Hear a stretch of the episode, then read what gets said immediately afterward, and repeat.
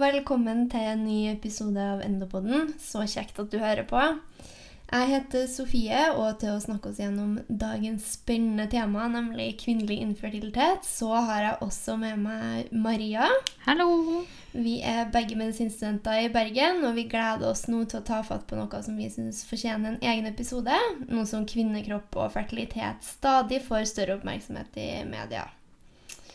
Og kvinnelig infertilitet det er jo et ganske stort tema som omfatter både gynekologiske, genetiske og ikke minst endokrinologiske tilstander og sykdommer. Og ofte så krever det her eh, omfattende samarbeid mellom ulike spesialiteter. Samtidig så er det jo ofte hos eh, fastlegen at man begynner den initielle utredninga. Og det gjør jo at det her er aktuelt for de aller, aller fleste av oss som vil bli leger, da. Um, nå er jo dette en endokrinologisk podkast, så i dag skal vi primært eh, holde oss til det man bør tenke på av endokrinologisk utredning når en kvinne kommer også og forteller at hun har problemer med å bli gravid. Eh, og det som er så flott, er jo at jeg allerede laga en podkastepisode om uh, gonadaksen. Så hvis du har lyst på en liten oppfriskning og repetisjon om kvinnelige kjønnshormoner, så kan vi virkelig anbefale at du hører på den før du fortsetter på denne podkasten her.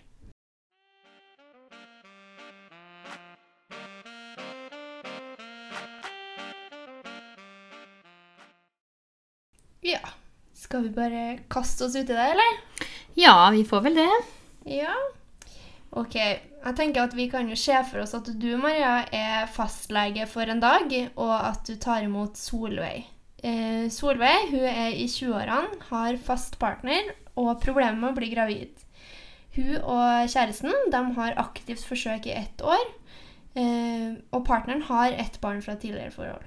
Og så Nå kommer jeg til deg på fastlegekontoret. og hvor starter man hen? Ja, det er jo absolutt et veldig vanskelig tema man stiller seg, eller sånn man står ovenfor. Jeg tenker jo at eh, Man må først og fremst kanskje være klar over og tenke over i samtalen at dette er et sårt tema for veldig mange. Det er ikke noe veldig mange kvinner tar veldig lett på. sant? Som fastlege så finnes det egentlig en del enkle grep man kan begynne med. Det viktigste først er kanskje en anamnese, med særlig fokus på da menstruasjon, og faktisk spørre om hvor ofte hun har samleie, og om de faktisk har samleie med da utløsning i skjeden rundt eggløsning hver måned. Det er nok ganske ulikt hva man faktisk da legger i å aktivt forsøke, så det er viktig å liksom spørre om det. Generelt så er det jo sånn at man anbefaler faktisk at samleie skjer altså, Det må gå to dager, gjerne flere dager imellom. Det er nok ikke noe fasitsvar der heller, men det er egentlig med tanke på å forbedre sædkvaliteten, da. Ja, ikke sant. Så de fleste tenker jo kanskje at når man skal forsøke, så har man sex så mye som mulig og så ofte mm, som mulig. Mm. Men uh, der er det også gunstig da, å vente til annenhver dag. Stemmer. For å få opp kvaliteten litt. Yes. Det gir jo faktisk litt mening. Mm, men det gjør det. har kanskje ikke tenkt over det, da. Mm. Men du nevnte jo også en menstruasjonsanamnese. Uh, og hva er det egentlig vi leter etter når vi spør om menstruasjonssyklusen? Ja, da spør man jo gjerne om altså, hvor regelmessig menstruasjonen er, hvor lenge den varer, og egentlig hvor kraftig den er, f.eks. hvor ofte Solveig da må bytte bind. Normalt så er menstruasjonssyklusen på 24-32 dager, og den skal vare, eller mens selve menstruasjonen skal vare mellom 3 8 dager.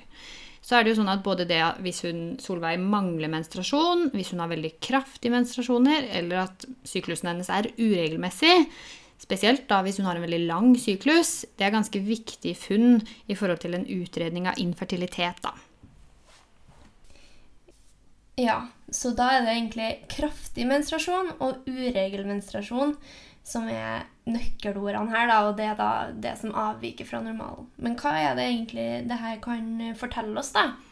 Du, det kan fortelle oss ganske mye. Eh, generelt så kan det hjelpe oss å dele infertilitet i på en måte to grupper. Dette blir jo veldig grovt forklart, sant? men den ene gruppen er på en måte patologi i kvinnelige genitalia. F.eks. i eggstokker, i livmor eller livmorhalsen. Dette kan f.eks. være hvis man har hatt en klamydiainfeksjon, og så har den ene egglederen gått tett i forbindelse med det. Eller så kan det være snakk om en sånn endokrin dysfunksjon. Som en hovedregel så kan vi si at veldig kraftige menstruasjoner det har ofte en gynekologisk årsak, mens uregelmessig menstruasjon og av og til også manglende menstruasjon har en endokrin årsak. Det vil nok være en del unntak fra denne regelen, men det kan være en god huskeregel hvis man vil enkelt skille, da. Ja, og nå skal vi snakke om endokrin dysfunksjon. Og da snakker vi jo om hormoner og ulike feilreguleringer av dem. Eh, hormoner kan jo komme fra forskjellige plasser. Eh, både fra hypofysen og hypotalamus, men også hormoner som eh, produseres i selve eggstokkene, ikke sant? Ja, det stemmer, vet du. Og det er jo de organene som er mest aktuelle i forhold til infertilitet. Det finnes jo absolutt mange hormoner i andre organer, men infertilitetsutredningen den, den konsentrerer seg så absolutt om de organene, ja. Ja. Så du da, Maria, som har fått eh, oppgaven som eh, fastlege i dag. Ja.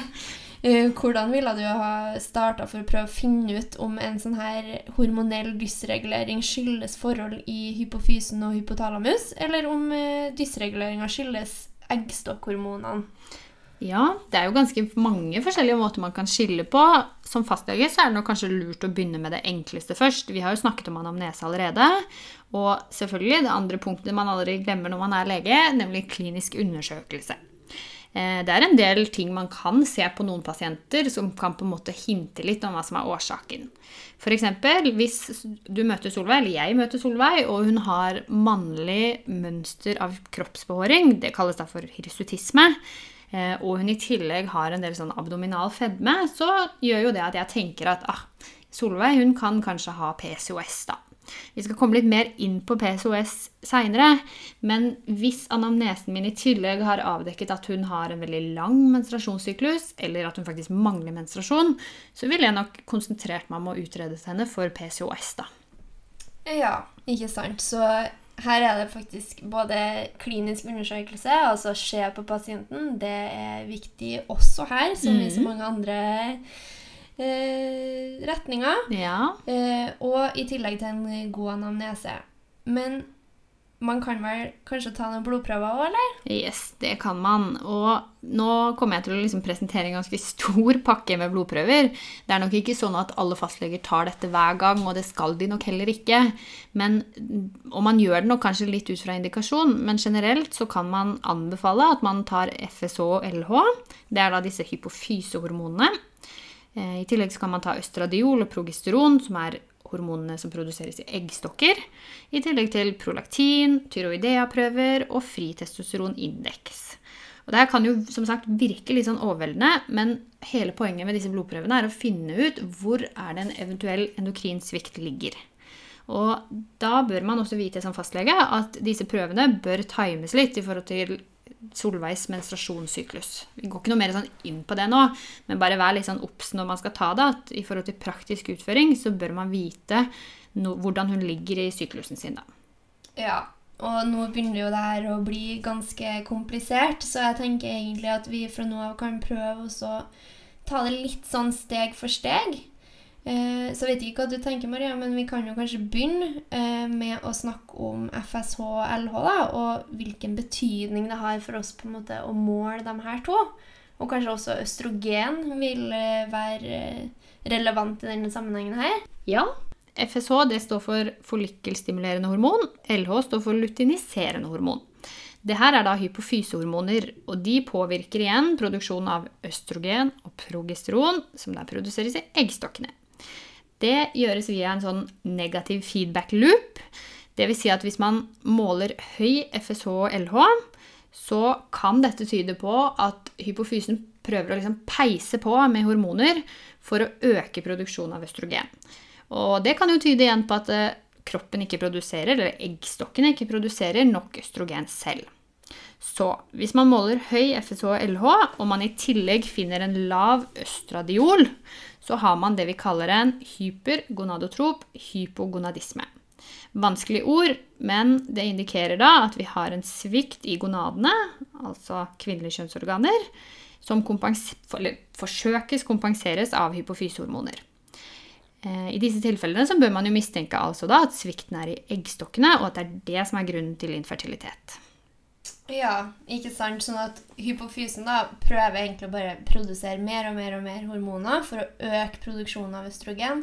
Men pga. en eller annen grunn så responderer ikke eggstokkene på det her. Og uansett hvor mye LH og FSH som produseres, så forblir da østrogenkonsentrasjonen lav.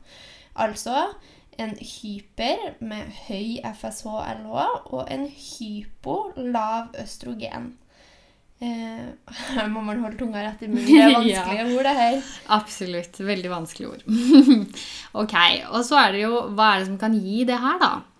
Um, tilstander som gir et sånt bilde, de kalles for prematur ovarialinsuffisiens. I forhold til Solveig så ville det vært at eggstokkene hennes da ikke produserer nok østrogen, selv om de egentlig skal det. Og da er det en eller annen grunn for at østrogenproduksjonen hennes har stoppa, eller eventuelt aldri begynt. Um, det her er egentlig ganske sjeldent i Solveig sin alder. Man tenker at det rammer 1% av alle kvinner, og det kan igjen ha ganske mange årsaker.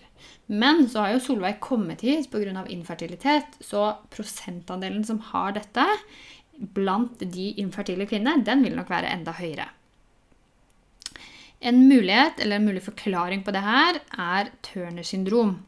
Det her er jenter som er født med ett X-kromosom, altså de mangler det ene X-et sitt. Det kalles da et 45X. Det er egentlig ganske unormalt at dette skulle vært årsaken fordi at Solveig er såpass gammel. fordi Turner-jentene får ofte manglende pubertetsutvikling. Derfor oppdages de ganske tidlig.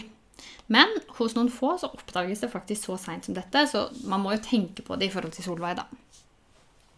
Ja, ikke sant. Så årsaker til hypergonadotrop, hypogonadisme, da, vil være det du snakker om nå. Enten prematur ovarial insuffisiens, altså veldig tidlig overgangsalder, kan man jo også kalle det. Ja. Eh, eller da Turner, som er det at man ikke kommer i puberteten, rett og slett. Som også vil eh, gi det samme bildet, da.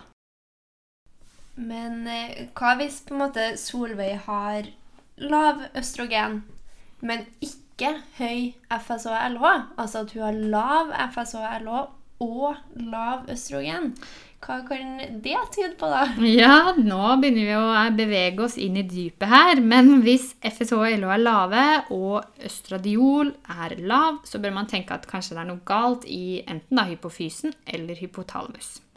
Lav østradiol altså det vil jo da skyldes at FSH og LH er lave. Altså at det mangler en sånn stimuli, en beskjed til eggstokkene om å begynne å produsere østradiol. Dette kalles da for en hypogonadatrop, hypogonadisme. I stad hadde vi en hypergonadotrop, hypogonadisme. Så det er det første ordet som dere skjønner, som er endra, da. Ja, og det er jo ganske logisk, egentlig, hvis man klarer å tenke eh, hvor feilen ligger hen her. Eh, men her er det altså snakk om en hypofysesvikt, altså at hypofysen ikke produserer FSH og LH, sånn at de er lave. Og derfor så får vi heller ikke noe som stimulerer gonadene, og da blir alle nivåer lave. Logisk nok hypo, hypo. Eh, og det er jo en rekke ting som egentlig kan gå litt galt i hypofysen, er det ikke det, Maria? Det er det, vet du. Hvis vi tenker på det vanligste først, så er det jo sånn at det er faktisk spiseforstyrrelser, eller at man trener fryktelig mye, eller at man har en eller annen sykdom eller som gir både underernæring eller stress, som faktisk er de vanligste årsakene. I disse tilfellene så er det såpass enkelt egentlig at kroppen er litt sånn fit for fight og bare tenker at det, det viktigste nå for kroppen er ikke gonadaksen for å overleve. Så den bare liksom skjøtter den på en måte litt ned. Ja, det har jeg faktisk hørt om eh, at det er ganske vanlig. ja. Eh, og det er det man kaller for funksjonell hypogonadotrop hypogonadisme, eller? Mm, det stemmer, vet du. Ja, Altså at alle organene egentlig fungerer,